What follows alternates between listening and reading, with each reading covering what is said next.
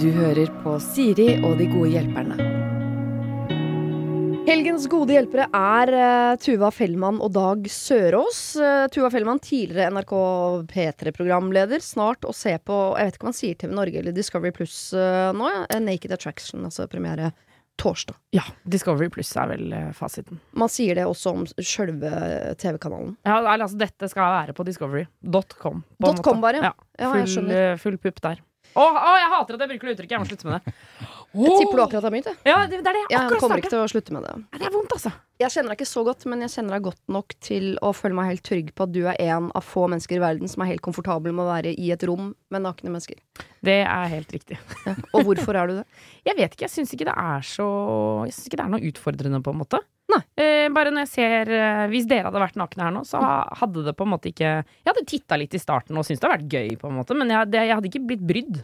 Nei. Jeg hadde ikke syntes det hadde vært vanskelig. Jeg tror du ville stirret på øh, brystene mine ganske lenge, fordi uh, jeg har brystvorter som har en tendens til å trekke seg innover. Det tror jeg du ville synes var ganske Innovervendte brystvorter? Ja, ja, ja, det er ganske interessant, ja. syns jeg. Men, de kommer ut hvis du ber om det, så, men de gidder ikke, ikke sånn av seg sjøl, liksom. Nei, jeg skjønner. Nei. Altså, jeg merka jo det når vi spilte inn Naked Attraction nå, så sto jeg jo ofte og hadde samtaler med nakne mennesker, og da glir fort øya rett ned på puppene, og så rett ned på tissen, og så måtte jeg si unnskyld, unnskyld, nå kommer jeg opp til øynene igjen. Uh, så jeg blir jo nysgjerrig, men ikke, ikke i nærheten av brydd.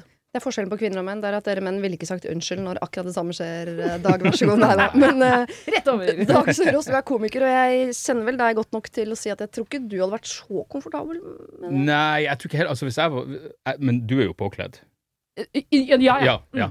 ja nei, jeg tror det ville gått greit. Atskillig greiere nå enn kanskje for, for ti år siden. Ja. Etter hvert så uh, den seksuelle drivkrafta har moderert seg kraftig.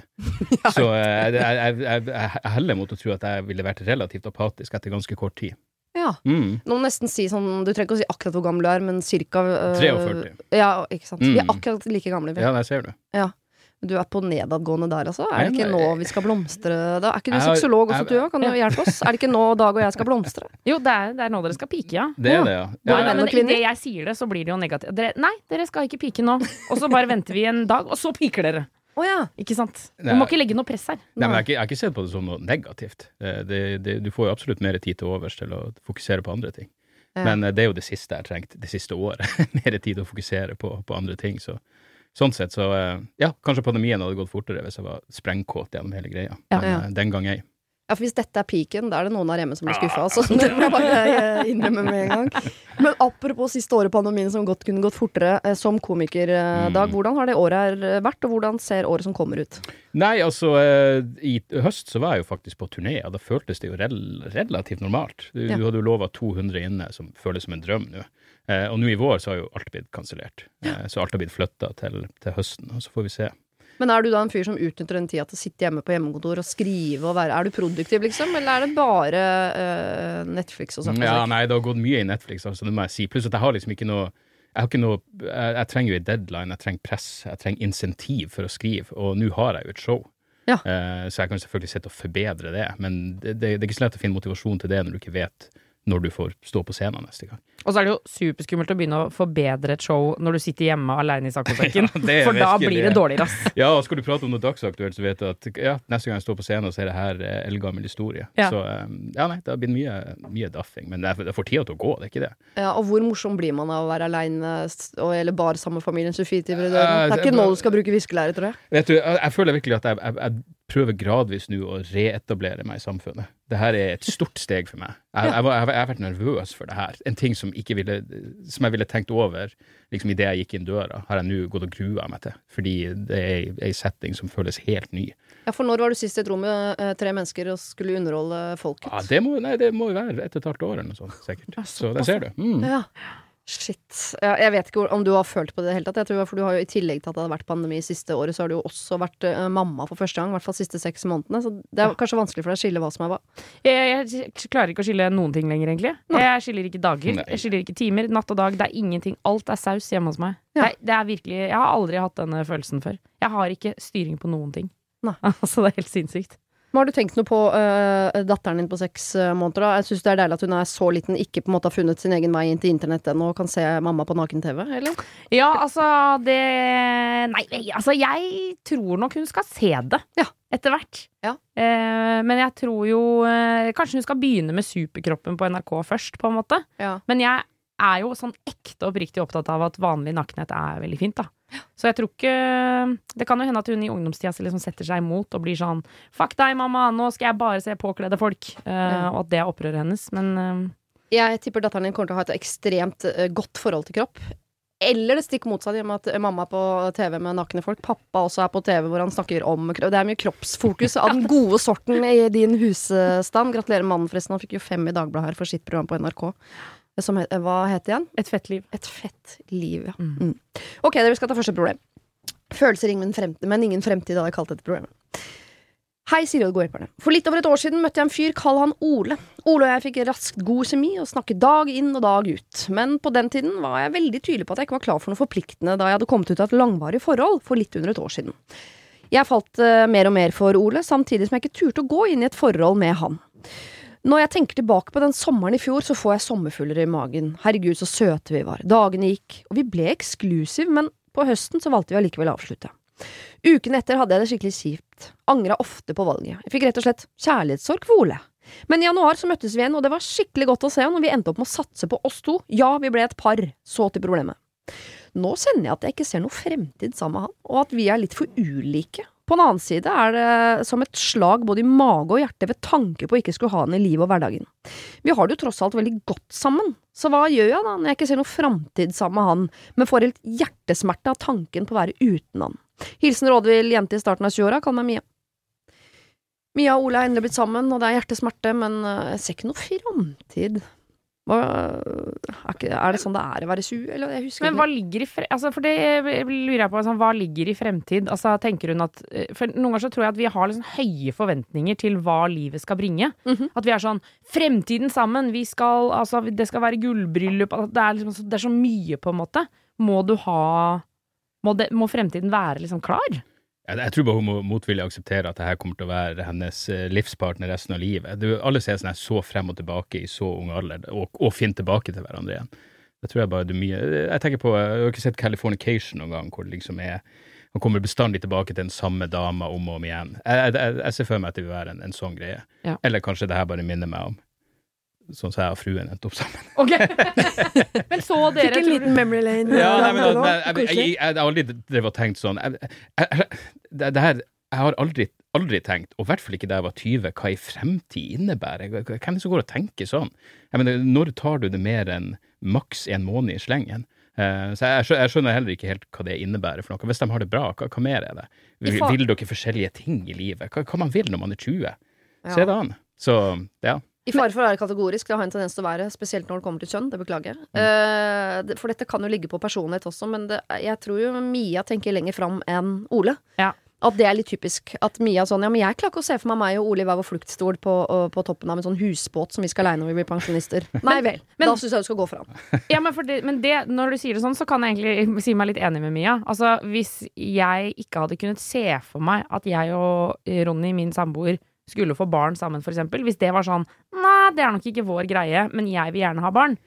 Så hadde mm. kanskje jeg også sittet på samme følelse. Ja. At jeg hadde sagt sånn Men dette Vi kan godt ligge sammen, men uh, det er jo ikke noe fremtid her. Nei, fader, nå snur jeg helt. Jeg skjønner ja. godt hva hun mener.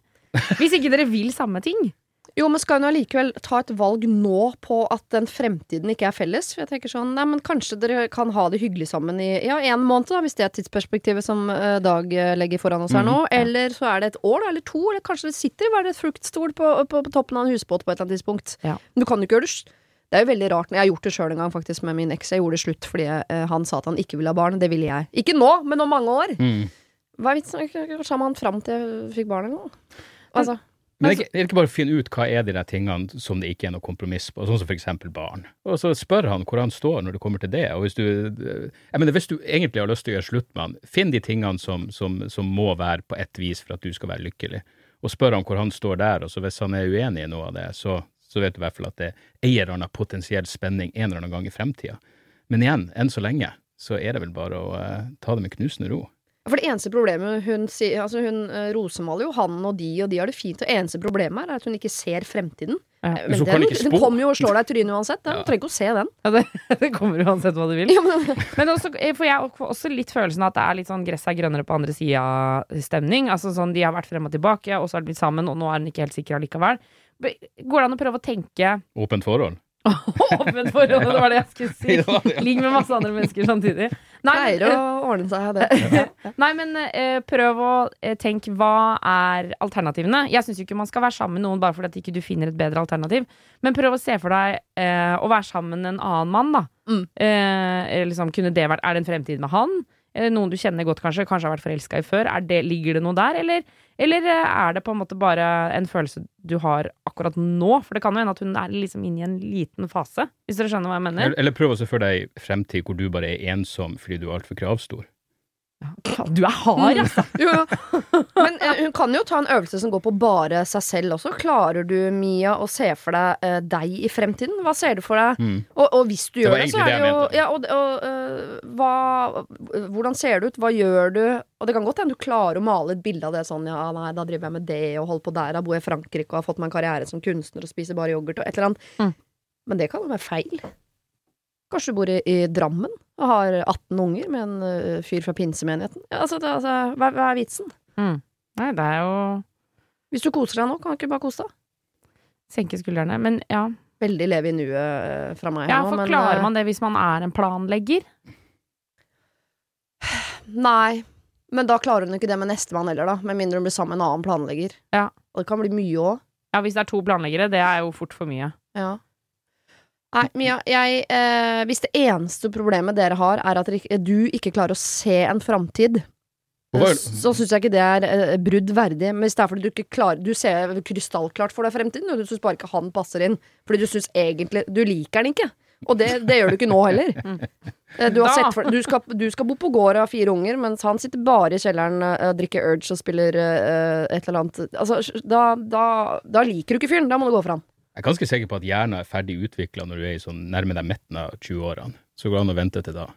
Ja, sånn, ja, vente til mm, kroppen er klar. Det er bare meg som er konservativ fordi jeg er gammel, men jeg tror det kan, kan være en idé også. Hun var jo i et langt forhold tidligere, så for seg ei, ei lang fremtid der.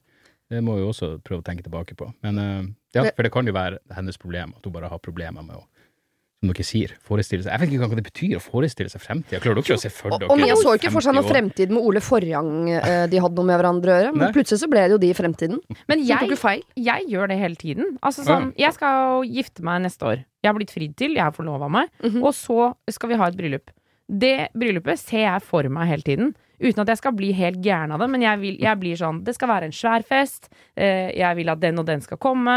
Mm. Eh, vi skal lage vårt eget øl. Sånn, det er for meg å se for meg fremtiden. Ja. Og egentlig bare sitte og, sånn, og dagdrømme om ting jeg syns er gøy.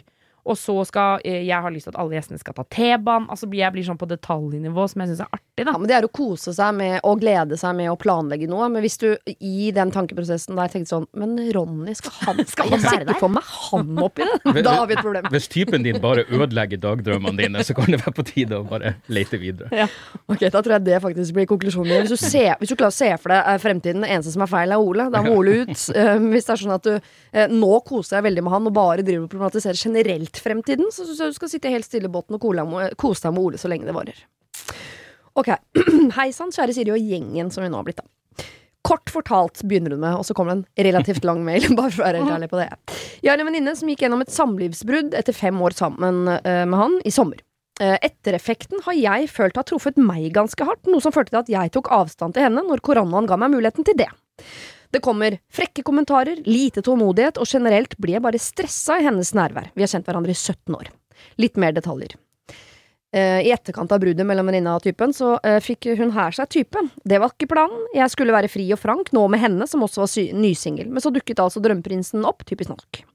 Etter at jeg fikk meg type, har hun kommet med litt småfrekke og nedsettende kommentarer til meg hver gang vi har møttes. Det er vanskelig å ta opp ting med henne, fordi hun blir så passiv-aggressiv. Jeg blir sliten av å være rundt henne fordi jeg alltid ender opp såret. Jeg trodde det var midlertidig, at hun uh, tok vonde følelser utover meg, det kan jo skje den beste, vi er mennesker. Men nå begynner jeg å bli grådig lei av å føle meg som skyteblink.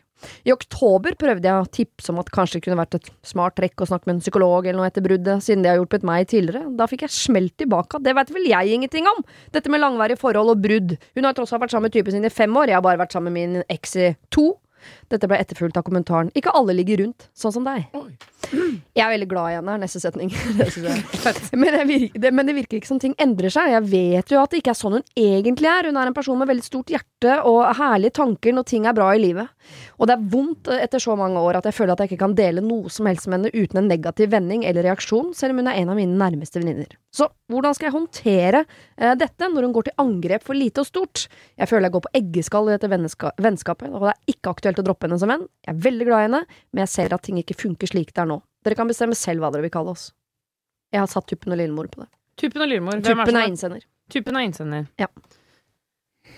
Hva skal hun gjøre? Hun skal, det er ikke uh, uh, aktuelt å kutte Lillemor. Vold er uaktuelt. Ja, det kan vi vel ja, løse med, okay. si med en gang. Ja, Derfor uh, ikke aktuelt å anbefale, men det er jo alltid en mulighet. jeg har begynt med en ting i det siste som jeg er skikkelig fornøyd med. Mm -hmm. Og det er å spørre hva folk mener når de kommer med spydige kommentarer til meg. Ja. ja. Uh, og det er For det første så er det ganske underholdende. Folk blir satt ut. Men det er også ganske givende. Uh, fordi da skjønner de hva de har sagt. Og så kan, kan, jeg få vite på en måte hva er det du mener med at, folk, at jeg ligger rundt. Hva mener du når du sier dette her? Mm. Eh, for det å på en måte gå i den direkte konfrontasjonen akkurat der og da, det gjør at Eller jeg føler at da tenker de over det, da. Mm. så det har ja, jeg begynt med, og det er ganske jeg, jeg liker det, altså. Ja, for det er lett å skyte en liten sånn Hvis man er sinna, skyte en liten sånn glefsende kommentar. Men hvis mm. du må forklare den og hvor den kommer fra Ja. Og da kommer man ofte til problemet i, i relasjonen, da. Det er veldig lurt. Ja, ja, Også overfor nettroll, hvis man er plaga med det.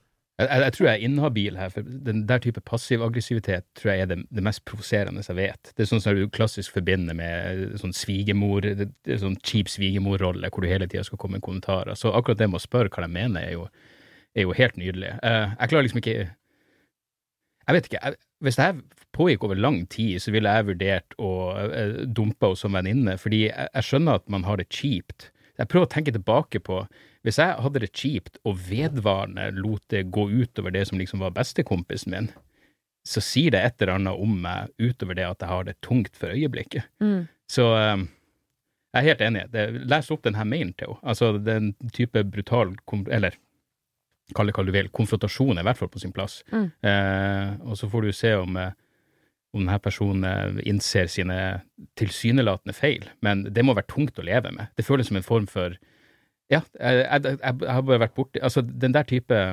negging tror jeg er helseskadelig i lengden. Særlig hvis du bare tar det og tar det uten å, um, uten å som du sier, spørre hva, hva, hva hun mener. Altså vi skal ta matten i det, alt jeg på så har de jo vært venninner i 17 år, og det er nå det siste øh, ja, fra i fjor sommer og fram til nå som har vært dritt, da. Så hvis vi tenker at de 16 årene fram til uh, nå har vært kjempefine, og så har hun ett år nå hvor hun har vært uh, drage, så, så, er det jo verdt å kjempe for å komme seg tilbake til, til det vennskapet de hadde. Og når folk blir drage, så blir de jo da av en grunn. Ja. tenker jeg. Mest sannsynlig så har jo lillemor det ikke noe bra, øh, og syns at livet er dritt, og syns det er vanskelig å takle at tuppen har fått seg type og er glad og lykkelig. Mm. Så det å på en måte Det er jo noe med det å kanskje ta det på alvor også. Det høres jo ikke ut som at innsender her blir liksom fullstendig knekt av dette øh, psykisk øh, ennå. Men sånn som du sier, Dag, altså sånn, mm. over tid så blir man jo megasliten av det. Men det å på en måte kanskje innse at øh, venninna har det kjipt, da. Og ja. prøve å hjelpe til med det. Og det som skjer på sikt også, jeg syns det er veldig sånn godt beskrevet det med å gå på eggeskall i et vennskap. Det er, jo, uh, det er jo, Kjærligheten forsvinner jo litt etter litt etter litt etter litt, og da, hvis kjærligheten i et vennskap forsvinner, så er det jo veldig liten grunn til å, å, gidde å fortsette. Så det er jo egentlig, syns jeg, Tuppen er den eneste som kan redde dette, for jeg tror ikke lillemor er på et sted hvor hun, hvor hun klarer å ta tak i det. Så ja, stille spørsmål. Det virker, jo, det virker jo ikke som hun kan stille henne helt til veggs, for da går jo Lillemor rett i, i angrep. Mm. Men uh, med å være litt sånn eh, spørrende underveis. Jeg syns jo hele poenget med, med, vennskap er å trø tungt, og ikke gå på eggeskall. Ja. Uh, men hvis det er det siste året, så kanskje er det noe sånn pandemipsykose av noe slag. Så skulle jeg godvilja til. ja. At, uh, at det, det, det, bringer vel ikke nødvendigvis ut det beste i alle mennesker um, å være ja, nå vet ikke jeg hennes situasjon, men det, er vel ingen som har hatt det helt topp det siste året. Så kanskje hva enn som lå latent, har blitt verre av den grunn. Eh, hvis man skulle prøve. Ja. Det er som jeg har sagt noen ganger sist, jeg tror ikke jeg har, Det siste året så har jeg ikke møtt et eneste menneske som sier at livet er noe særlig mer enn terningkast fire. Det gikk som fire, er, det nye makstaket liksom, mm. på hvor bra man kan ha det. Ja, det går ikke lenger. Men det, eventuelt så går det an å eh, vri på det da, og komme med de samme kjipe kommentarene tilbake. Når hun sier ja, det er ikke alle som driver ligger rundt, og så kan man si sånn nei, nei, det er jo tørke hos deg, så det er jo ja. ikke så rart. Ja, det er ikke alle som har muligheten, sier Nei, nei. Ikke sant? Altså, det, det går an. Da, men da, da, kan du utvikle det jeg vil se på som et sunt vennskap. Fordi hvis det går på den måten, så, så er det jo bare hyggelig. Ja, uh, men ja. da må vi ha uh, det som TV 2 påstår, at de er så opptatt av det lille glimtet i øyet. Man, man kan ikke hate hverandre og si de greiene der. Det er ikke et vennskap. det, det, er bare rein hat. Det er faktisk bare rein hat. Men ja, uh, det går an. Men jeg prøver jo å fortelle mine barn blant annet at det at én har vært dust, gir ikke deg et frikort til oss å være dust. For det eneste vi oppnår med det, er at begge to er idioter. Og da blir ikke verden noe bedre. De skjønner ikke helt hva jeg mener med det, men jeg, jeg jobber med saken. Ja. Så jeg syns ikke at bare fordi lillemor oppfører seg dårlig for tiden, så, så, så skal tuppen kaste seg på å også gjøre det. Så jeg, jeg syns vi skal lande på det du startet med, Tuva, med å stille spørsmål. Hva mener du med det? du, hva, hvor kommer dette fra? Ja. Og hvorfor sier du at jeg ligger rundt? Altså sånn, Gå helt sånn konkret. Mener du at jeg ligger med for mange? Mm. Altså Nesten for å gjøre det litt sånn eh, vondt, da. Ja, Og hvorfor skal jeg ikke gjøre det? Plager ja. det deg? Ja. Eller er gjør du bekymret for min helse? Eller hva? Klamydia som du er redd for? Lykke til med det. Jeg tror eh, Idet hun må forklare hvor alle disse eh, små hatefulle kommentarene kommer fra, så tror jeg hun får litt å tenke på, og da kanskje hun klarer å snu. Vi skal over en nabokrangel. Det er mye dårlig stemning her i dag, folkens. Det er, eh, hele Norge er litt aggressive. Ok, hei. Jeg har en datter på seks år. Nærmeste nabo er like gammel, men har en del vansker, er litt forsinket motorisk og sosialt. Så til problemet. Vi har nå eh, to tomter tett oppi hverandre, eh, så de ser alltid når vi kommer hjem eller går ut i hagen. Og gutten deres er alltid ute, uansett vær og vind. Foreldrene driver med egne prosjekter i hagen, og han driver med sitt. Så bare vi går ut døra, så kommer han løpende. Om vi sitter i hagen, kommer han løpende. Når vi skal gå på tur, kommer han på sykkelen for å bli med. Når vi kommer hjem fra barnehagen, er han klar til å bli med inn. Altså, jeg holder på å bli gal! Det føles ikke ut som vi har en privat eiendom lenger. Jeg eh, kan være ute alene, og han kommer løpende. Uh, denne gutten og mine barn går ikke særlig godt overens. De leker rett og slett aldri sammen. Vi må passe på han til enhver tid når han er her, for å sikre oss at han ikke ødelegger ting eller dulter borti ungene, eller Og utgangspunktet syns jeg synd på gutten. Vi ser at vanskene gjør at han har veldig få venner, og da hadde det vært greit om han kom en gang iblant. Men ikke hver dag. Og kan tro jeg gruer meg til sommeren. Så hva gjør vi? Foreldrene gjør ingenting når han løper over, og det er jo bare et barn. Det er utrolig vanskelig når vi har flere barn i nabolaget som leker sammen, og sier nei til han. Og våre barn blir stille, tilbaketrukne når han er her, så det har ført til at vi kvier oss for å bruke egen hage. Og etter sommeren så begynner de på samme skole, samme klasse kanskje, og jeg føler at det vil bli utholdelig for min datter, for hun har jo ofte besøk, og vil sikkert ha med felles klassekamerater hjem, da kan vi jo i hvert fall ikke si nei til naboen. Tilleggsinfo. Har ikke spesielt nært forhold til foreldrene, vi sier hei, prater litt om vær og vind, men ingenting mer. Hjelp! Kall meg Lisa. Er det Tuja som er eneste løsningen der? Er det bare å, å, Flytte, ja. Nei, kjøpe Tuja. altså hekk, på en måte? Forbrukslån rett på plantasjen. Kjøpe ferdig voksen hekk. Ja, For det er dyrt, det, er det ikke det? altså, du kan kjøpe sånn uh, kvast som blir bra om noen år. Ja. Ferdig Tuja, dritdyrt. Eh... Og stygt for øvrig. Beklager, nå fornærmet jeg hele Norge. det eneste som var positivt her, er at de ikke har et nært forhold til de de, de foreldrene, ja. Fordi det ville bare gjort det helt ulidelig.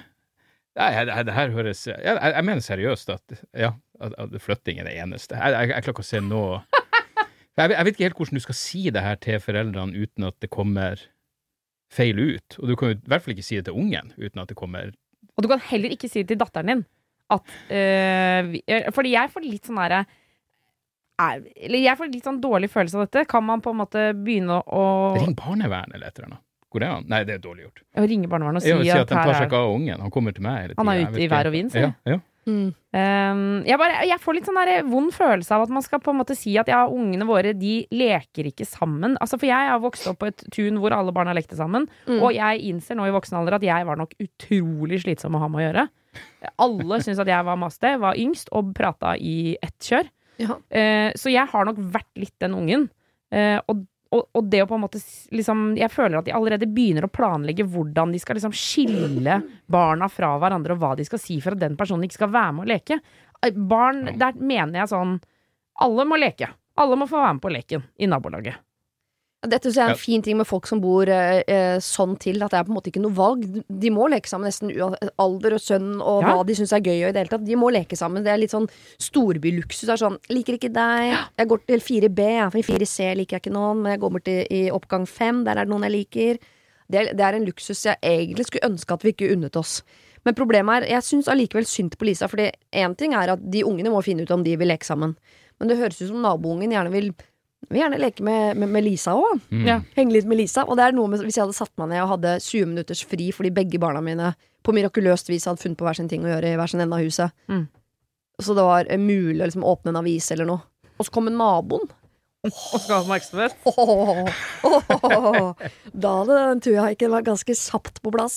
Jeg er 100% enig med den inkluderinga i leking og alt det der. Samtidig, hvis noen hele tida kom hjem til oss, og jeg merka at det gjorde sønnen min ukomfortabel i sitt eget hjem, så er det jo det er et problem, eh, vil jeg si. Ja. Um, og så ble jeg litt nysgjerrig på, fordi du begynte Dag å si noe om at det, jo, det eneste bra her er at de ikke har et godt forhold til foreldrene. Hvorfor er det en fordel her? For hvis de hadde vært venner, så kunne man tro sammen, hvis de er gode venner, så kan de vel snakke sammen. Men jeg er helt si... enig med deg, men jeg skjønner bare ikke helt hvorfor. Ja, jeg bare vet om noen som hadde eh, det her problemet på eh, ei hytte, hvor ungene på nabohytta hele tida kom. Og eh, ja, det, det, var rett og slett sånn at Og da tror jeg de foreldrene til ungene bare syntes det var tipp topp, fordi da slapp de å tenke på ungene. De, de, så liksom ingen bakside med det. Nei. Eh, så de, og, jeg, jeg, tror, jeg, tror, ikke det var noe ingen, altså, det, var, det, var, ikke noe kynisk eller noe. Det var, for dem var det bare sånn Ja, men ungene er der, og de syns sikkert det er hyggelig. Mm. Eh, så det kan jo være den ideen om eh, Jeg vet jo eh, Vi best, var bestandig veldig sånn eh, opptatt av at alle, kunne, alle ungene skulle kunne komme hjem til oss, og det er åpent hus og det er null stress. Samtidig så var det jo noen de var hos mer enn andre, og da er det fort å få en sånn idé at ja, men de syns sikkert det er ok. De syns sikkert det er gøy å ha mm. besøk. Mm. Uh, så det går jo Det er selvfølgelig sykt vanskelig å vite hvordan, hvordan du skal legge det frem uh, uten at det blir feiltolka, men uh, i verste tilfelle så får du da Du mister i det minste ikke et, et vennskap på det. Da får du bare et anstrengt forhold til nærmeste naboene. Så på et eller annet vis må det gå an å si at det er helt greit at de leker sammen, det er hyggelig, men, men av og til, når vi Ja, be om en eller annen form for moderering. Jeg, jeg, jeg, vet ikke. For jeg, vet ikke helt hva hun prøver å oppnå heller. Ja, fordi jeg tenker at det, det, naboforholdet her, det blir ikke betent av den samtalen. Det er allerede betent. Det er bare det at det er bare halvparten som veit om det. Ja. Så, Nettopp. Jeg, jeg, tenker også Folk må bare oppdateres. De må oppdateres, ja. Mm. De må bare lese nyhetsbrevet. Ja, altså. Og jeg prøver å si det alltid, selv om jeg er ikke noe god på det sjøl, men det er veldig lett å si til andre at jeg kan jo ofte irritere meg over ting, men jeg har faktisk egentlig ikke rett til å irritere meg over ting som ikke har sagt fra om at er irriterende. Så sier jeg ofte til min mm.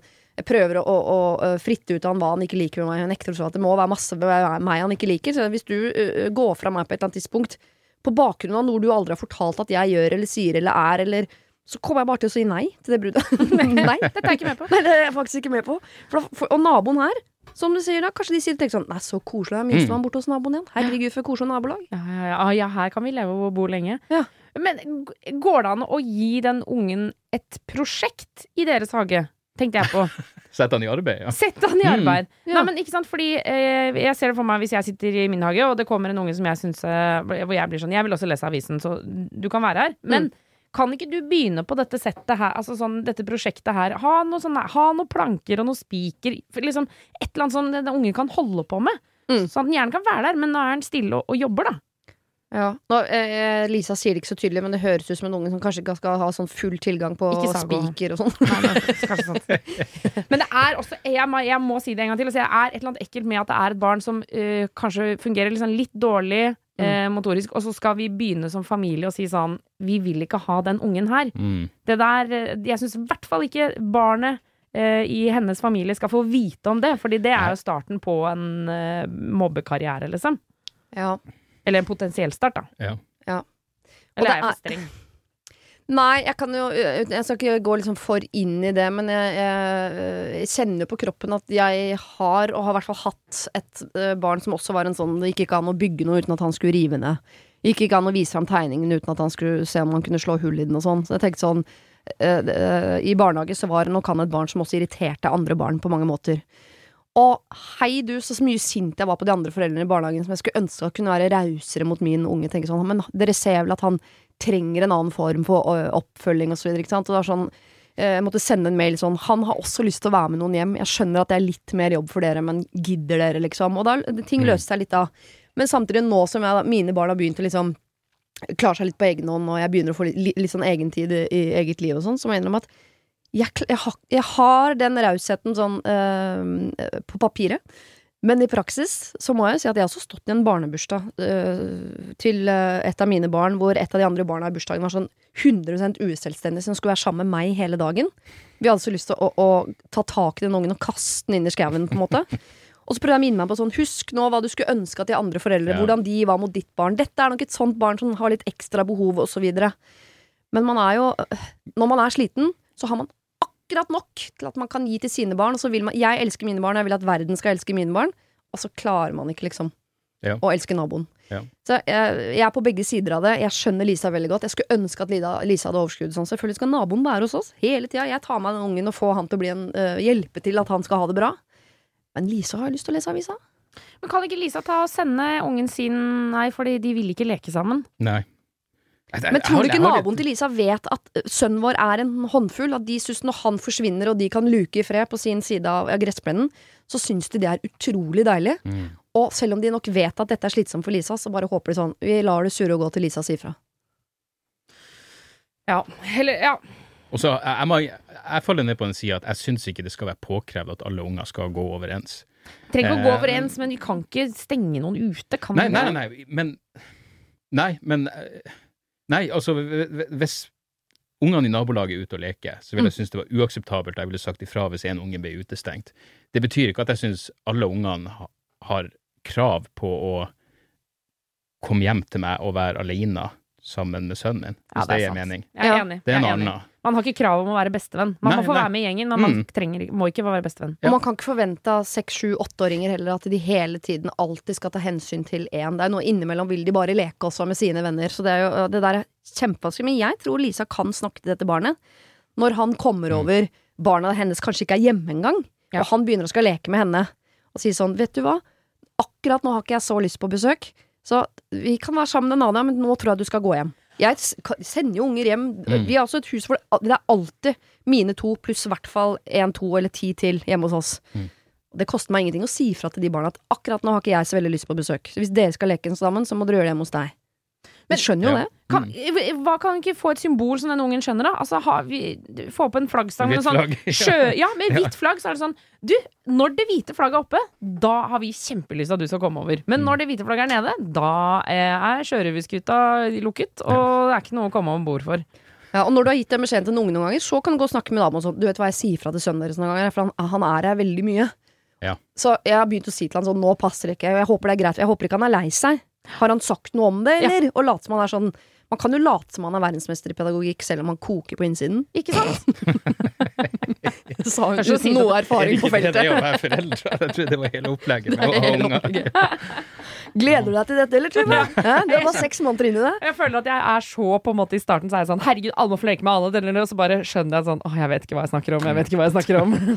Du skal få drilla deg, for vi skal innom et, eh, et problem litt senere som er i samme kategori, som også handler om barn som eh, vil eller ikke vil leke sammen, men da i barnehagen. Så dere skal få uh, kjørt dere på det greiene der i dag. Men vi skal innom et giftermål først. Oh. Et koronagiftermål. Du kan jo relatere litt der også, Tuva. Er du gift forresten, Dag? Jeg er det. Du er det? På papiret. Mm. Ja. På papiret. Jeg har aldri vært i et bryllup, men jeg er gift. Ja, Så dere hadde ikke bryllup? Nei, det ble bare Det var rett og slett en slags underskriftskampanje.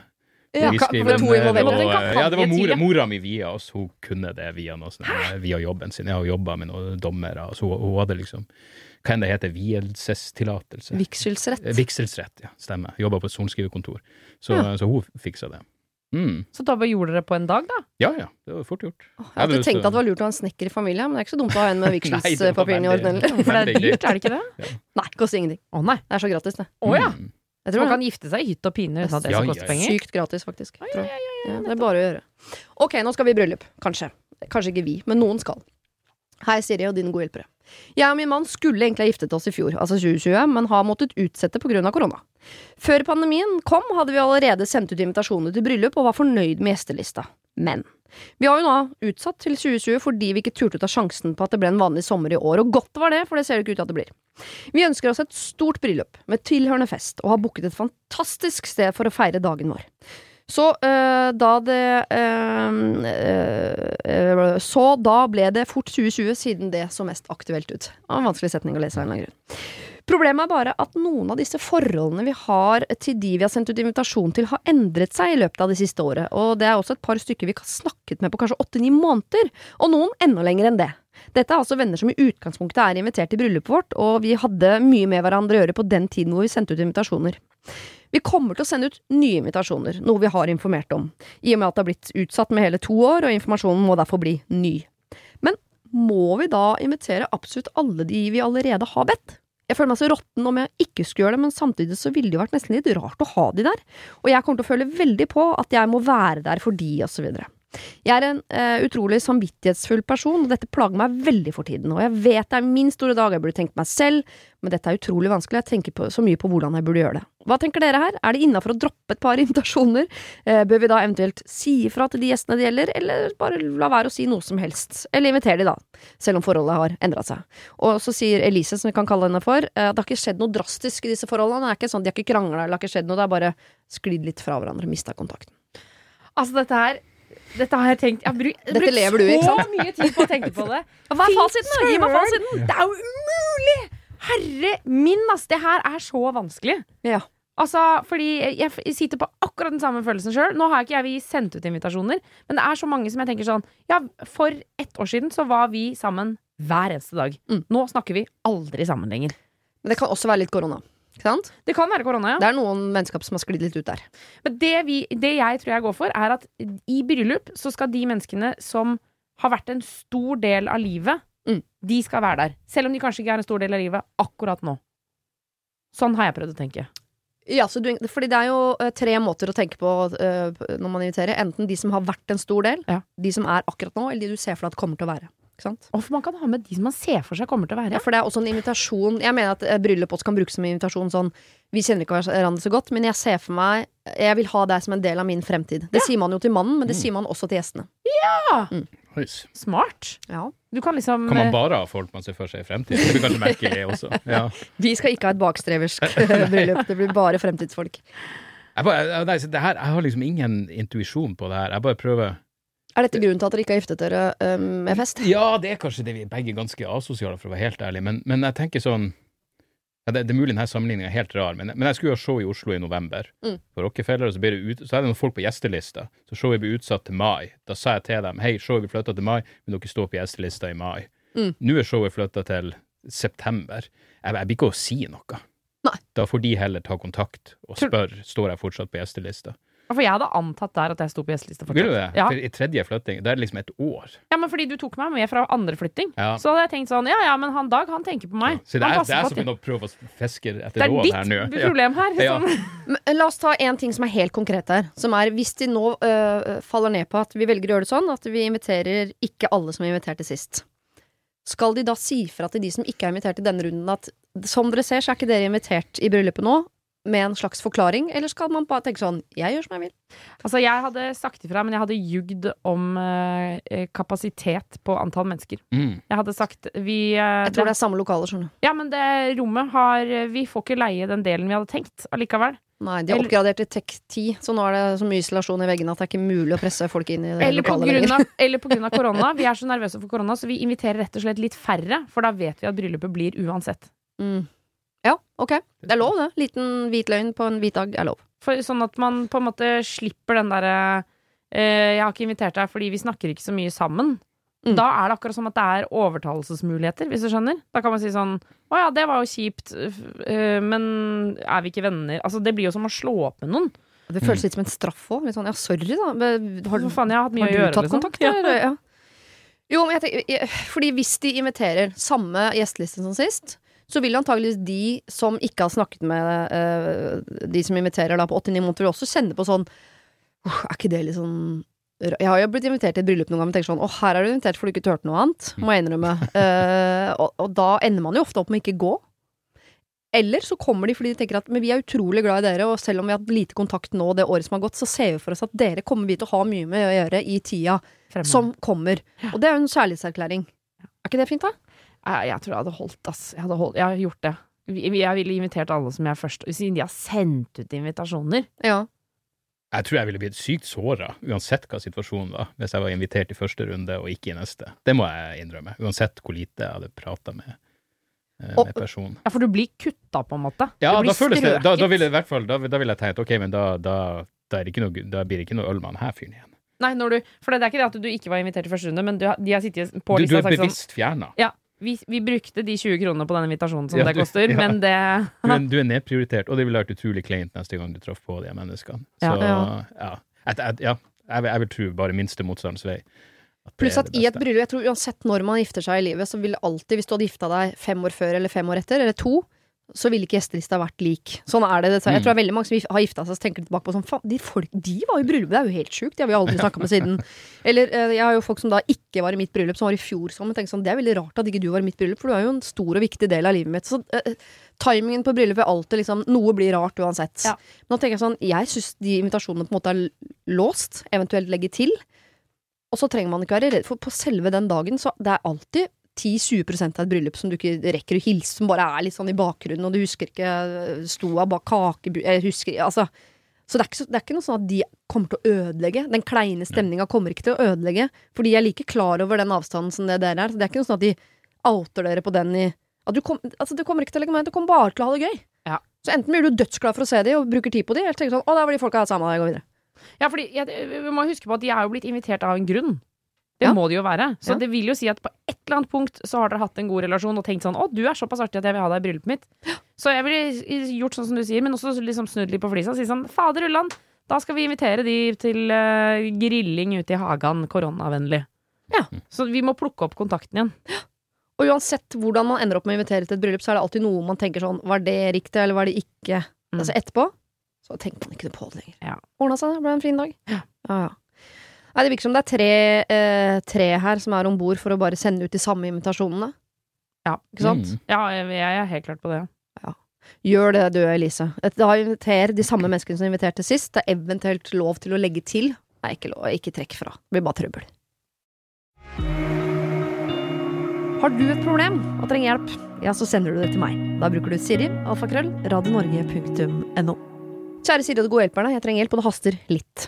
Jeg har lenge drømt om å bo på gård sammen med mannen min, og endelig ser det ut til at vi har funnet gården vår.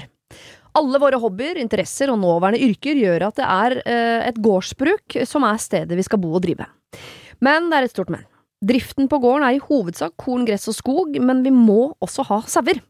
Jeg elsker sauer, men jeg er vegetarianer, og jeg har vært vegetarianer i 15 år. Jeg får noia av tanken på å stå inne for å ta liv for profitt, selv om profitten på sau i Norge er i den skalaen ikke-eksisterende. Men med tanke på å få innvilget konsesjon er det tilnærmet et krav. Så hva gjør jeg? Jeg har vurdert hypnose. Jeg har vurdert å reise på ferie hver høst og vår og distansere meg fra sauene. Eh, jeg har vurdert å skifte ut sauene med alpakka. Lukke øynene og manne meg opp. Selge ull til sympatiske venner for å kunne vise til eh, noe omsetning på levende sau. Lage saueshow med uh, klikkertrente sauer og selge billetter. Eller gi opp hele greia. Jeg trenger råd. Bør man ta sånne valg som strider imot ens egne etiske ståsted? Dere kan kalle meg Ulla. Hmm. Altså, jeg, jeg, er ikke så inne i bondebransjen at jeg visste sånn Du kan godt uh, bo og drive den gården her, men du må ha sau. Det var jeg ikke klar over, men det, sånn er det tydeligvis. Ja, Er det sånn fordi man tjener, er det man tjener penger på, da, eller? Uh, av en merkelig grunn så har jeg uh, denne kunnskapen i hodet at sau tjener man skrekkelig lite penger på i Norge. Ja. Men uh, man tjener penger på det. Det er det ikke noen tvil om. Men det virker ikke som uh, Hun må ikke drepe sauen, men for å, tjene penger på en mm. sau, så må, må den, den, enten sjonglere eller kunne spises. Ja. Det, det er et interessant spørsmål. Jeg har mange ganger tenkt at jeg, jeg har veldig stor Jeg mener både dama mi og sønnen min er vegetarianere. Så jeg, jeg, jeg, har det på kroppen. Uh, og jeg har ingenting Jeg har ingen sånn etiske motargument. men jeg har jo prata med dama mi, og hun er enig om at det, hun er den, en vegetarianer som ikke er av den oppfatning at det er moralsk galt å spise kjøtt, men det er måten dyrene blir behandla på. Så jeg, jeg vil jo tenke her at den åpenbare løsninga er gi sauene et bra liv. Uh, så er det ingenting etisk galt med det. Hvis de får et bra liv, og så blir de avliva på en human måte hvor det går fort, så tror jeg de har hatt det relativt greit. Og da er det på en måte bare naturens gang? Ja, og det, det må du kunne stå inne for. Så, så, lar du være å spise dem. Det, og det er jo selvfølgelig helt greit, det er jo beundringsverdig og alt det der. Men jeg vil ikke si at du har gjort noe etisk galt bare fordi du har eh, ja, sauedrift, eller hva enn man kaller det. Ja. Det virker også som hun er redd for å knytte seg til sauene. Fordi først hun ja. sa sånn jeg vurderer å reise på ferie høst og vår, så tenkte jeg først at du reiser på ferie når de slaktes. Men det virker som hun vil være en del borte fra gården for å slippe å knytte seg til sauen. Altså, sikkert lurt å ikke være der når de er lam, tror jeg. Hvis du skjønner hva jeg mener. For da er de så sjukt søte. Så du må på en måte kom, kanskje prøve å komme inn i livene deres når de er sånn stygge, lukter mm. vondt. Mm. Så ikke gi dem navnet. Det tror Nei, jeg også er viktig. Gi de navnet. Det er én, to og tre. Ja. ja. Eller bare gi de navn på folk du ikke liker. Hvis du, sånn, hvis du hadde en i klassen som het Mathias som var slem, så, så heter sauen Mathias. Ja, ja, absolutt. Ja, det tror jeg er en kjempeidé. Altså, gjør litt sånne ting så du blir litt sur Da kommer du til å insistere på å slakte dem sjøl. Ja. Så det er vinn-vinn. Ja. ja. Jeg tror det er en mellomløsning der som er til å leve med. Men det er klart, jeg, jeg vet jo ikke hva hennes standpunkt er, om hun syns det er per definisjon galt å spise kjøtt uansett. Um, da, da, er det jo verre. Absolutt. Men jeg skjønner ikke helt uh, alternativet hennes med å skifte ut sau med alpakka. Det er jo bare et annet dyr som i så fall må De blir jo ikke slaktet på den måten, da. Men man må vel ikke slakte sauen? Kan ikke leve av ulla, da? Ja, men det, jeg tror ikke man, det tror jeg ikke man tjener nok på, nei. Men alpakkaullen er jo kjempeverdifull, er den mm. ikke det? Jo. Eh, kan jeg si en fun fact om alpakkaer? Ikke si at du har vært på den gården som alle har vært på. Altså, det har jeg, men Ja, det har jeg jo. men at de eh, på den gården At de går ut for å føde på dagtid når det ikke regner. De føder ikke under regn? Nei. Oi. Og det er på dagtid. Alltid. Så jeg snakka med en alpakkabonde som sa sånn De alltid når de skal føde, så går de ut, og så er det i en arbeidstid hvor jeg er på gården, og så regner det ikke. Shit. er ikke det gøy? Ja, det... det... er veldig gøy. Men det som også er fint med alpakkaer, for så vidt, hvis man skal det, og sau, for så vidt Jeg har både eh, bodd på en sauegård, og jeg har vært på besøk på en alpakkagård. Eh, de er utrolig søte, sånn rent fotografisk, men det er litt begrensa, kanskje er bare indre begrensninger. Ja. Altså. Du blir ikke sånn skikkelig glad i det. Fordi, fordi, ja, men de blir ikke glad i deg, for de ja. blir ikke knytta til deg, sånn som hund og katt og menneske og sånn. De ser deg aldri i øynene, og du føler Det er sikkert noen, én blant tusen, som du kan få en eller annen ekstra sånn connection med, men det er ikke en sånn Det er ikke et helt sånn voldsomt pulserende kjærlighetsliv. Og de er ikke så myke som de ser ut heller. Jeg har vært med på føding av sau og holdt nyfødt sauung og sånn. Det er jo hardt, liksom. Ja, Er litt beinete, på en måte? Eller? Ja, den ulla er så kompakt at den er ikke noe sånn myk du kan stryke fingrene gjennom som en sånn sjøgressfølelse, liksom. Det er bare Det er hardt. Mm. Så det, betyr, det, betyr ikke at jeg kunne kvært en sau uten å, å liksom tenke over det, men eh, jeg, jeg, tror hun kanskje overdriver den og romantiserer det der eh, forholdet hun skal få til alle disse sauene. Så løsninga er besøk en sau? Og, ja. Mm. ja. og kanskje prøve å være med på slakt av en sau. Ja. Eh, det å, å, å, prøve å liksom se nytten i det. Mm. Ja, og hvis det uh, går, så tenker jeg også, for det virker ikke som det er det de utelukkende skal leve av, inntekten på kjøttet fra sau, så se om du kan leve av å, å selge ulla, da. Og så få inntektene fra et annet sted. Korn og alle de andre skog og de andre tingene dere driver med der. Og så kan mm. dere ha jeg vet ikke om det er en konsesjonsregime dere må ha så mange sau, men ha fire sau da, som bare går rundt og er lykkelige, og som innimellom ofrer ulla si. Ja. ja. Ja, jeg tror det kan hende at man kan sette litt sånn hardt mot hardt der, og prøve å ikke Du kan jo prøve å unngå det, ja. ja. Det fine med regelverk synes jeg, er at det alltid er smutthull. Det er så gøy når man finner dem. Det må være et smutthull i dette regelverket som gjør at du kan ha to kosesauer på den gården, og ikke 400 som skal bli til kjøtt. Ja. ja. Hvorfor dropper flere gutter enn jenter ut av skolen? Hvorfor begås 70% av alle selvmord av gutter og menn? Og hvorfor blir færre gutter og menn diagnostisert med psykiske lidelser? Ikke fordi de ikke har problemer, men fordi de ikke ber om hjelp. Vi må snakke om gutta. Dere, Vi skal til et problem som eh, vi uh, har fått av Mental Helse Ungdom. Der jobber det en fyr som heter Oskar. Hver uke så gir han oss et eh, problem som de har fått fra en av sine mannlige, hva skal jeg kalle det, ikke tilhengere, men altså menn som gir de et problem. Og fordi vi prøver å oppdra dere gutta til å skjønne at det er lov å be om hjelp, så tar vi de også her hos oss. Og dette er da ukens problem. Hallo, Siri og de gode hjelperne. I dag har jeg fått inn et ilandsproblem, eh, som han beskriver det som sjøl, fra Tom Andreas. Eh, og Tom Andreas skriver Hei, jeg er en mann på 36 år. Jeg sliter med å være et godt forbilde for mine sønner som skal lære seg å sykle. Jeg sykler på elsykkel. Det gjør ikke de. Jeg vil unngå så langt det går an å skru av elmotoren og sykle vanlig, for det er jo drittungt. Men guttene klarer jo ikke å holde følge da de ikke har elsykkel. Kan jeg være et godt forbilde selv om jeg sykler på elsykkel og de, de ikke gjør det? Hvordan kan jeg løse dette? Med vennlig hilsen Tom Andreas. Det er jo i nedre sjikt av alvorlighetsgrad, dette problemet. Det må være lov å si det. Fint at han selv sier at dette er et ilandsproblem, for det, det, er det. Men uh, han, det å være et godt forbilde er jo ikke et ilandsproblem. Men kan man være et godt forbilde eh, selv om man har elsykkel? Ja, fordi du, altså, jeg skjønner jo litt hva med Du sluntrer jo på en måte litt unna med elsykkel. Hvis mm. de tråkker opp bakken og svetter og sliter, og han bare lett jogger oppover, mm -hmm. så er det jo litt uh, kjipt. Men men det, det er som å lufte bikkja ut av bilvinduet, på en måte. Det er jo Det er sløvt. Det er veldig sløvt. Jeg er ute på tur med hunden bikkja, ja.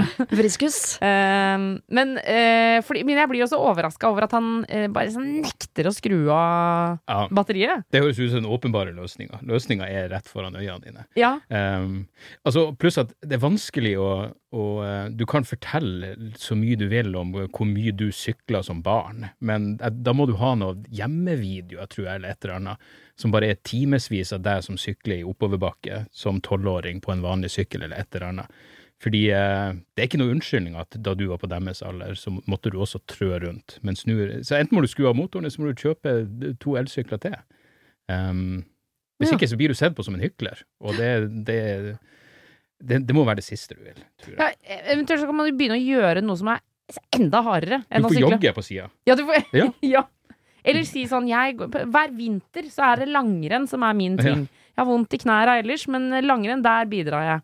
Altså sånn Du må veie opp hvis du skal kreve at ungen din skal jobbe beinhardt, så må du jo gjøre det sjøl, ja. ja. Og du kan ikke være for ærlig. Du kan liksom ikke si hei, jeg, jeg går på en jobb jeg hater åtte timer om dagen. Det, det minste jeg må kunne be om, er at jeg slipper å Jeg må da kunne ha en, en motor på sykkelen min. Eh, det blir litt for mye for dem å, å ta inn over seg, tror jeg. Så eh, ja, nei, kan han prøve å være et godt eh, forbilde sånn miljømessig? Og snakke mye om hvor eh, ja. bra det er med el. Vi må likevel vi må spare på ressursene i forhold til hvor mye drivkraft vi bruker osv. Sånn det er en utømmelig kilde. Men dette er i hvert fall bedre. enn å heller istedenfor å sammenligne med tråsykkel, sammenligne med sånn Motorsykkel. Eh, med en motorsykkel. Mm. Og si det ville jeg aldri gjort, det der dieselmonsteret der. Det skal ikke pappa ha på veien. Ja. Fordi jeg er Nei, hvis, hvis, du kjører på motorsykkel mens ungene dine sykler bakom, så vil da jeg si at du er dårlig. Ja. Men ja, nei, jeg tror understreke det hvis han sykler til jobben, da. Mm. Uh, at jeg, jeg, kunne kjørt bil. Absolutt. Uh, og jeg sykler frem og tilbake hver eneste dag, så derfor så trenger jeg litt ekstra hjelp. Mm. Da er det jo fortsatt et godt forbilde. Ja. En, og på et eller annet tidspunkt så kommer de barna til å be om å få sånn elsparkesykler uansett. Hva, om hvor mye du har sykla eller ikke sykla. Jeg skjønner på en måte, jeg har også lyst til å være et godt forbilde. Jeg, hvert eneste år så slår jeg meg huet over at jeg ikke har vært på flere teltturer, for jeg vil at ungene mine skal bli sånne folk som er på telttur. Ja. Men samtidig så har det også slått meg i den tanken at hvis ikke jeg er en sånn dame som drar på telttur hele tida. Hvorfor er det så viktig for meg at ungene mine skal bli sånne folk som drar på telttur hele tida? Altså var, var, du mye på telttur som barn sjøl? Ja, jeg var ganske glad i ja, okay. å, å, dra på telttur som barn, men det var ikke fordi mora mi drev med det. Jeg tror ikke, det er, uh... jeg tror ikke jeg gjort, endte opp med å gjøre noe i livet fordi foreldrene mine gjorde det. Eller, eller visste noe form for interesse for det heller. Så, um, så, der tror jeg man kan, eh, kan, slappe av. Men akkurat det der med å bli sett på som en hykler, for det kan de bruke mot deg i alle slags situasjoner ja. etterpå også. Og det veier tungt når du ikke har noe eh, å slå tilbake med, faktisk. Så er det litt, eh, ja. litt vanskelig. Nei, jeg, jeg, må finne en arena hvor han, eh, hvor han kan være, vise at, uh, at han er et godt forbilde på andre ting, da. Ja. Kan ikke bare slå det fast. Vi skal være litt forsiktige med å, å trekke det hyklerkortet, for vi har akkurat bedt en vegetarianer om å drive med slakt av sau, så uh, det her skal vi sitte litt stille i båten. Men uh, Tom Andreas, du er ikke verdens beste forhold, forbilde hva tråsykkel angår. Sørg for å være det på noe annet, da. Ja, eller finn, ta, ta, ta, på, ta, på, dem en sekk som er hvis, du, hvis, han er 80 kilo og de er 40, så gir du dem en 40 kilo sekk, og så sier du kan du kjenne hvordan det er å trø ja. med denne vekta. Ja, e, eller ta all bagasjen deres mm. og si ja, men jeg har jo elsykkel, gutter. Smart. Hiv det over på meg, og så er du et pakkeessel eh, til og fra teltturen der. Ja, kjempebra. Det tror jeg kommer til å ordne seg veldig bra, og i verste fall, Tom uh, Andreas, så får du to barn som når de er voksne, så har de elsykkel. Det kan vi leve med. Ja. ja. ja. Hei, Siri og de gode hjelperne. Jeg har vært sammen med en type hvor den beste sammenligningen er Mr. Big fra Sex and the City. Er det noen som allerede her faller av sånn Nei da, uh, alle vet? Mm. Ja, er han er prikk lik personlighetsmessig. Kall meg gjerne Carrie. Vi har vært sammen et år. Uh, han sliter med følelser, og ikke minst det å stå i følelsene sine. Ironisk nok dumpet han meg i går. Han forteller at han ikke har energi eller overskudd til å være i et forhold, og dette er klassisk han. Hver gang ting er tungt i livet hans, så er jeg det første som blir nedprioritert. Han sier også at dette har ingenting med meg å gjøre, og at han fortsatt har følelser for meg. Jeg blir selvfølgelig kjempelei meg eh, for dette, men nå vil da eh, Mr. Big at vi skal være venner. Han blir helt desperat når jeg ikke svarer på meldinger eller ignorerer han. Jeg har vært tydelig på at jeg ikke klarer å være venn med han, da det er mye kjærlighet fra min side, og han har såret meg for mye opp igjennom. Men han vil fortsatt prøve på dette med vennskap, og sier eh, og, og, når jeg sier 'ikke send meg meldinger', så får jeg melding allikevel. Så hva skal jeg gjøre? Jeg er veldig svak for han, men samtidig så har jeg nådd et punkt hvor nok er nok. Jeg ser hvor mye dette sårer han, og det er selvfølgelig vondt for meg å se på. Det er mye kjærlighet her mellom to mennesker som er veldig glad i hverandre, men klarer ikke dette med forhold. På toppen av dette så har han et barn som jeg også er veldig knyttet til, og dette barnet er knyttet til meg. Det gjør jo da at kjærlighetssorgen føles dobbelt så tung. Hilsen Knus Carrie. Jeg vet ikke helt hva Carrie spør om her, men jeg tror det hun er på jakt etter, er en eller annen måte at vi kan bevare Mr. Big i livet hennes på, eller få han til å forsvinne fullstendig. Altså, han må ut. Ja, ja. Det er jo endelig et enkelt spørsmål. Ja, ja. For det her er det bare ut. å blokkere og bort med det. Fjern han Fins det noe eksempel på hvor den ene liker den andre, og de skal være venner, hvor det ikke går til helvete så til de grader? Ja, nei, det, Og hva skjer med å dumpe noen, og så bli lei seg for at hun ikke Ja, svarer det- på meldinger? Er du helt ute? Ja, absolutt. Ah, jeg blir sint av dette her, jeg. Ja. Høres jo veldig egoist ut, denne mannen, men det er vel noe av på en måte, grunnpilaren i, i, eh, personligheten til Mr. Big også. Karakteren. Jeg, jeg, men jeg syns jo Carrie er den mest irriterende kvinnelige eh, karakteren i noen TV-serie gjennom tidene. Ja. Så derfor blir jeg litt sånn Jeg, jeg prøver å være objektiv her. Ja. Eh, og jeg tror det objektivt rette for hennes del er å ja, bare blokkere. Men du, du, du sier jo ifra deg alle de rettighetene når du gjør det slutt med noen, gjør du ikke det? Eh, så ja. Og, så stusser jeg på at hun, hun sier jo hver gang mm -hmm. han, ja. Hvor mange ganger har Ja, det skjedd? Hvis dette skjer mange ganger, så tenker jeg både for din egen selvfølelse, men også fordi at det er et barn involvert her. Tenk, det, tenk å uh, ha foreldre som er i sånn jojo-forhold, hvor det er av og på, av og på med en uh, deltidsmamma. Altså sånn, det må jo også være ganske slitsomt. Ja. Så jeg tenker altså sånn uh, ja, men Nei, jeg fikk helt sånn her Du må bare eh, være hyggelig og eh, avslutte relasjonen med det barnet på en ålreit måte. Mm. Og så må du bare si til han fyren at hvis, du, altså, hvis man dumper noen så mye at du sier hver gang dette skjer Nei, det, det må ut, altså. Det må ut. Ja, ja. Men øh, jeg bare tenker hvis Mr. Big øh, Hvis Carrie nå blokkerer Mr. Big helt fullstendig ut av sitt liv, så vil jo Mr. Big antagelig høres ut som en sånn fyr som øh, kommer til å finne seg en annen Carrie som han er litt sånn av og på med. Så dette barnet vil jo uansett ha en eller annen sånn kvinnefigur som kommer og går ut av livet. Han kommer ikke til å få eh, en stabil figur som er der sånn moderlig med kanelboller i ovnen hele tiden. Så når Carrie da først har så mye kjærlighet til han som hun sier at hun har, og hun mener at han også har det til henne, men at han er litt forkvakla sånn følelsesmessig, er det ikke liksom verdt å, å, å, å jobbe for å få dette til å fungere? Det gikk jo bra med Carrie og Mr. Big til slutt, så vidt jeg husker. Nå jeg tror ikke jeg har sett hele trilogien, men var jo bare en liten sånn litt sånn ålreit to ukers i Dubai der, og så var det jo hjem igjen, og så var det walk-in closet og happiness etterpå, var det ikke det? Kort oppsummert. Ja, Hvis han er en økonomisk Mr. Big også, så må vi selvfølgelig revurdere alt det her. Det er han sant. vel- Ja, Han er jo steinrik, ja, er han ikke ja, det? ja. Jo, jo. Jeg, jeg vet ikke, det høres bare ut som for mye mas for meg, men uh, Men Og hun, hun elsker han jo. Ja.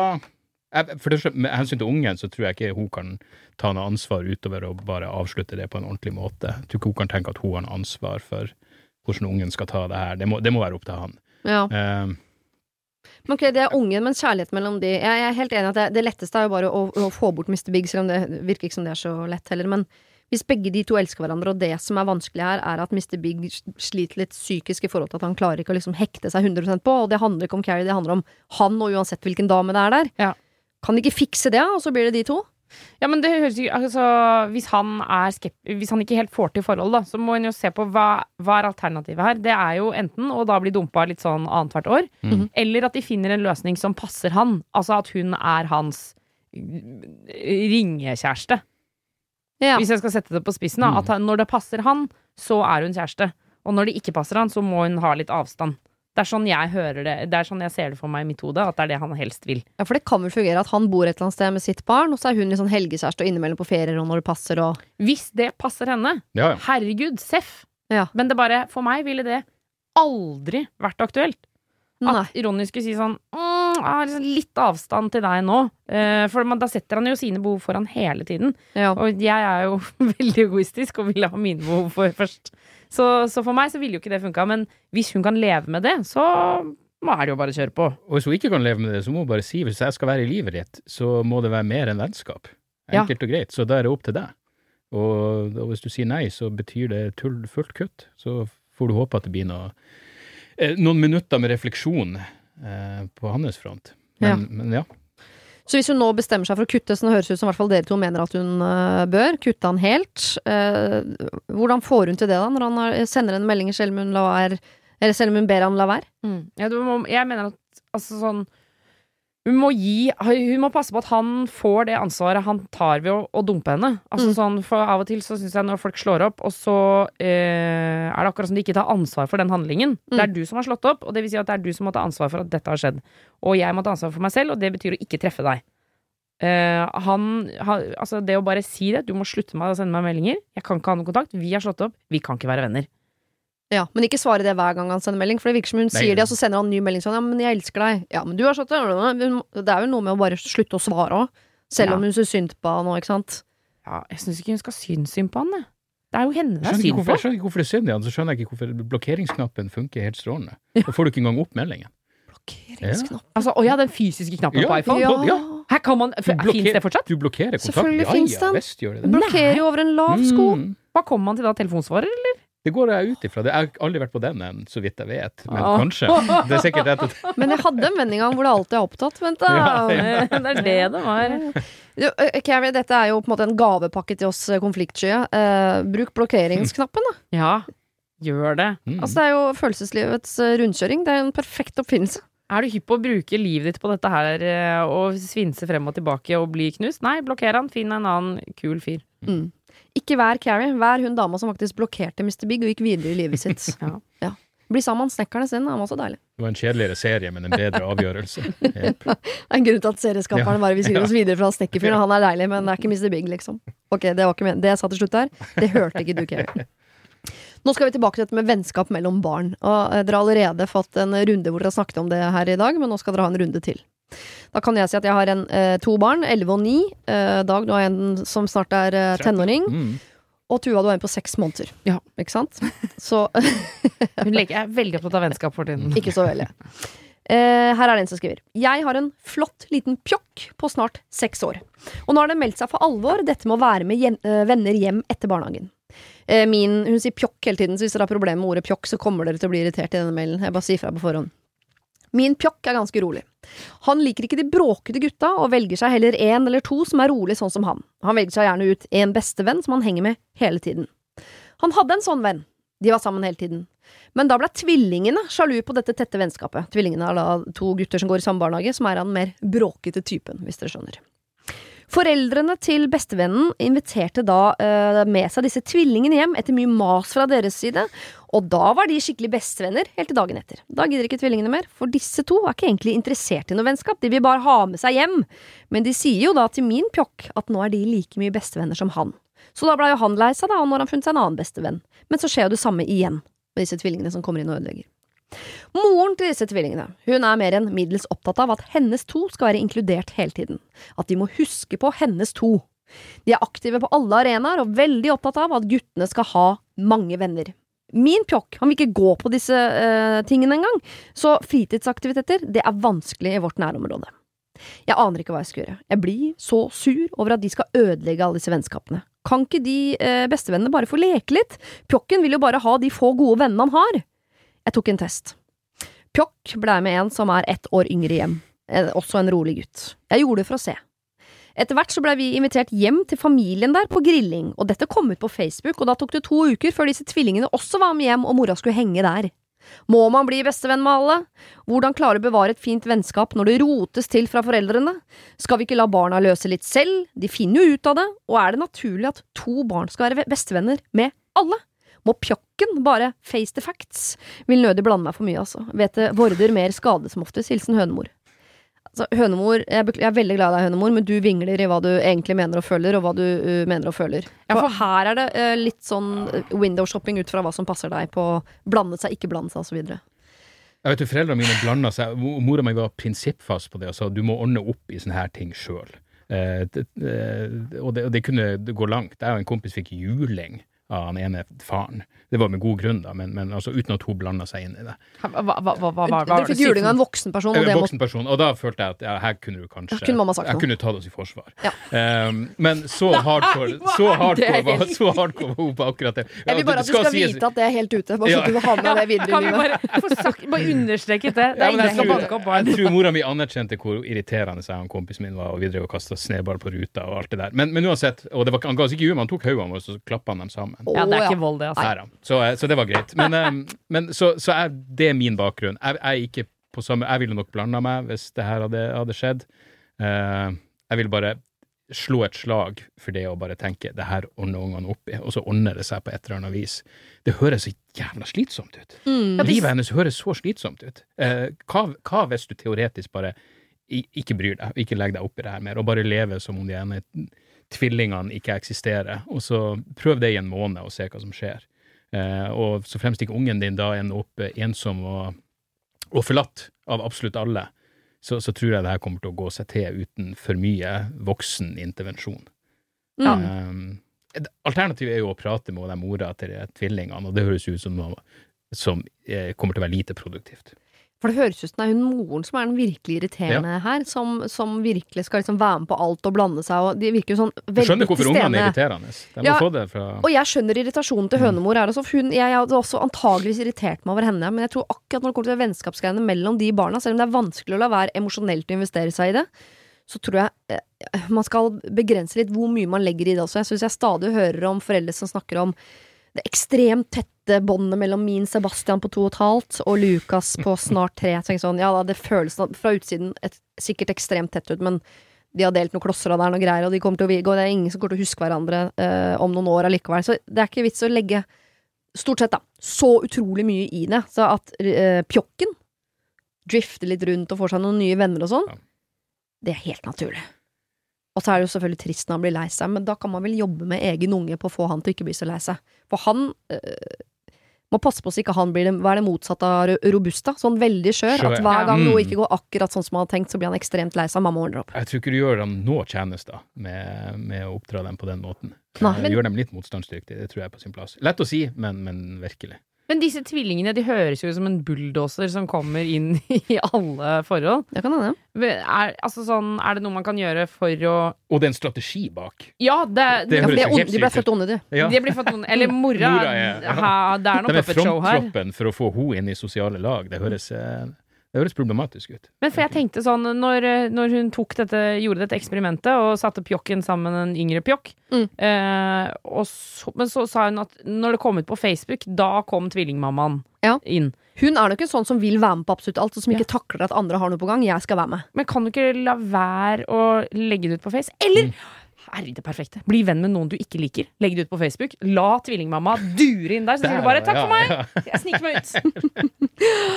Det er mange ting som er fristende å gjøre her, og jeg skjønner at alle disse eh, taktikkene og alt dette her foregår opp, er, opp i hodet. Jeg kan sende meg inn liksom, i tankemønsteret til hønemor, men det er noe med at da må man sitte på hendene sine, fordi hvis man egentlig, når man skriver sånn, kan ikke ordne opp selv, og, og irriterer seg over hun som skal være med og blande seg og sånn, når man da blir en som setter opp sånne tester og blir venner med folk for å sjekke og tenke sånn, men da er du jo like Ja, ja. koko på det som hun du ikke liker. Jeg, jeg vil høre det fra den andre sida også, før jeg kommer med et bestandssynspunkt her. Ja, det er jeg Det skulle ikke forundre meg om, eh, om, de, om de er likere enn de liker å tro, de der to mødrene. Jeg tror de kan bli bestevenner. Ja, de Og det er kanskje beste vin. alternativ òg. Mm. Hvis de slår seg sammen, så, så tror jeg nok Åh, at de blir eh, uslåelige Ja. i klassemiljøet der. Altså, Ja, ja. På, når det er sånn foreldremøte og sånn. De får gjennom det de skal ha. Altså. Ja, for hvis det er jo ofte sånn eh, De du ikke liker, skal du jo prøve å bli kjent med for å like de bedre. Så kan det nok godt hende at hønemor og tvillingmor skal bli gode venner. Det er ikke sikkert da at tvillingene og pjokken allikevel blir venner, men pjokken kan nok sikkert bli litt robust av å henge med tvillingene. Og tvillingene kan nok kanskje roe seg litt på å ikke ha den derre uh, uh, sinnssyke agendaen det virker som de har på å ødelegge alle vennskap pjokken går inn i. mm. Bare ta bort hele det der fiendebildet, og at min pjokk vil ikke drive med fritidsaktiviteter. Skal man bare sånn Nei, vi driver ikke med fritidsaktiviteter, for det er to, to tvillinger der som ikke vil like du, Det fins jo ikke en verden hvor ikke det er noen du ikke liker i enhver sammenheng. Jeg, jeg vet ikke om noe jeg driver med hvor ikke det er i hvert fall ett menneske jeg ikke liker, som er et eller annet sted i periferien der. Det, må, det går bra, det. Hvem i rommet her er det du ikke liker? Deg. Jeg har ikke vært i én situasjon jeg, hvor jeg ikke liker alle. Nei, men jeg kunne jo ikke Skal jeg slutte med volleyball? Og skal, jeg, altså, skal jeg slutte med alle tingene jeg driver med? Da? For det er én som er litt irriterende på laget. Det går ikke, det. Jeg føler, jeg føler det her er mer ilandsproblem enn uh. Det, ja, det, er mer symptomatisk på uh, det moderne samfunn. Altså når, for det her virker, virker, virker virkelig som sykelig innblanding av foreldre.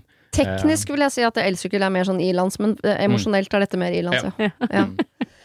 Oh, men hva skal hun gjøre? Fordi vi må anerkjenne følelsene til hønemor. For hun ja. er irritert, og jeg skjønner at hun er irritert fordi tvillingene høres slitsomme ut, og mora høres slitsom ut. Og, men er det noen løsning på det, annet enn å bare Det er eventuelt å bare uh, gi pjokken nye venner, sånn som du holder på, og så bare passe på at tvillingmammaen ikke får vite det. Ja. Så er det jo i orden, er det ikke det? Ja, ja, altså igjen, jeg, jeg, jeg, kan ikke se for meg annet enn å prøve, om så bare et par uker, trekk deg helt tilbake og bare la, ja, det... la ting gå som de går, og så, og så, ser du om ungen din blir dypt traumatisert av det. Jeg Eller synes... om han faktisk blir, et, kommer ut bedre. Jeg syns det er den beste tanken. At man mm. rett og slett bare test. Ta den testen, trekk deg tilbake. Ja. Bare la det utspille seg, og se hvordan det går. Og så kan du jo snakke med Det er lov å ha tett dialog med de som jobber i barnehagen også, og høre sånn hvor Jeg er jo ikke der hele dagen, så jeg vet ikke hvordan pjokken har det, men dere vet vel det. Trives han i barnehagen? Og hvis de sier sånn Han har alltid noen å leke med, ikke noe problem, så er det sånn mm. Ok, men så bra, da. Mm. Og så har han helt sikkert noen å leke med etter barnehagen også, men hvis man skal være så rigid på sånn ja, de er bestevenner, da kan ikke de leke sammen, så da Hvorfor skal Hæ? Skal bestevennen til pjokken leke med tvillingene? Da er jo ikke de best Jeg tror hvis man setter opp for liksom systematisk i forhold til vennskap allerede der, ja, det, det, det, ja, det, høres slitsomt ut for mor, og det kommer til å bli slitsomt også for barna. Ja. ja. Hønemor, sorry, nå var vi strenge med deg, det, eh, det beklager vi, men vi, det er fordi vi unner deg å liksom slappe av litt, for det er som Dag sier innledningsvis her, mm. dette høres veldig slitsomt ut for deg. Og hvis det er sånn at pjokken egentlig har det ganske bra, at det bare er liksom mye sånn staffasje rundt disse med tvillingene, så se om du kan bli kjent med moren. Kanskje det å bringe dem nærmere gjør at problemet forsvinner, og for all del, ikke ikke prøv å skåne pjokken med ikke la han gå på fritidsaktiviteter og sånn. Han må få hard hud, for han skal ut i samfunnet, og det fins ikke en arena i samfunnet hvor ikke det er én til to, gjerne ti idioter du må forholde deg til. Det er eh, akt, yrkeslivet, heter det. Mm. og dit skal han på et eller annet tidspunkt. Så jeg ønsker deg lykke, lykke til eh, med det.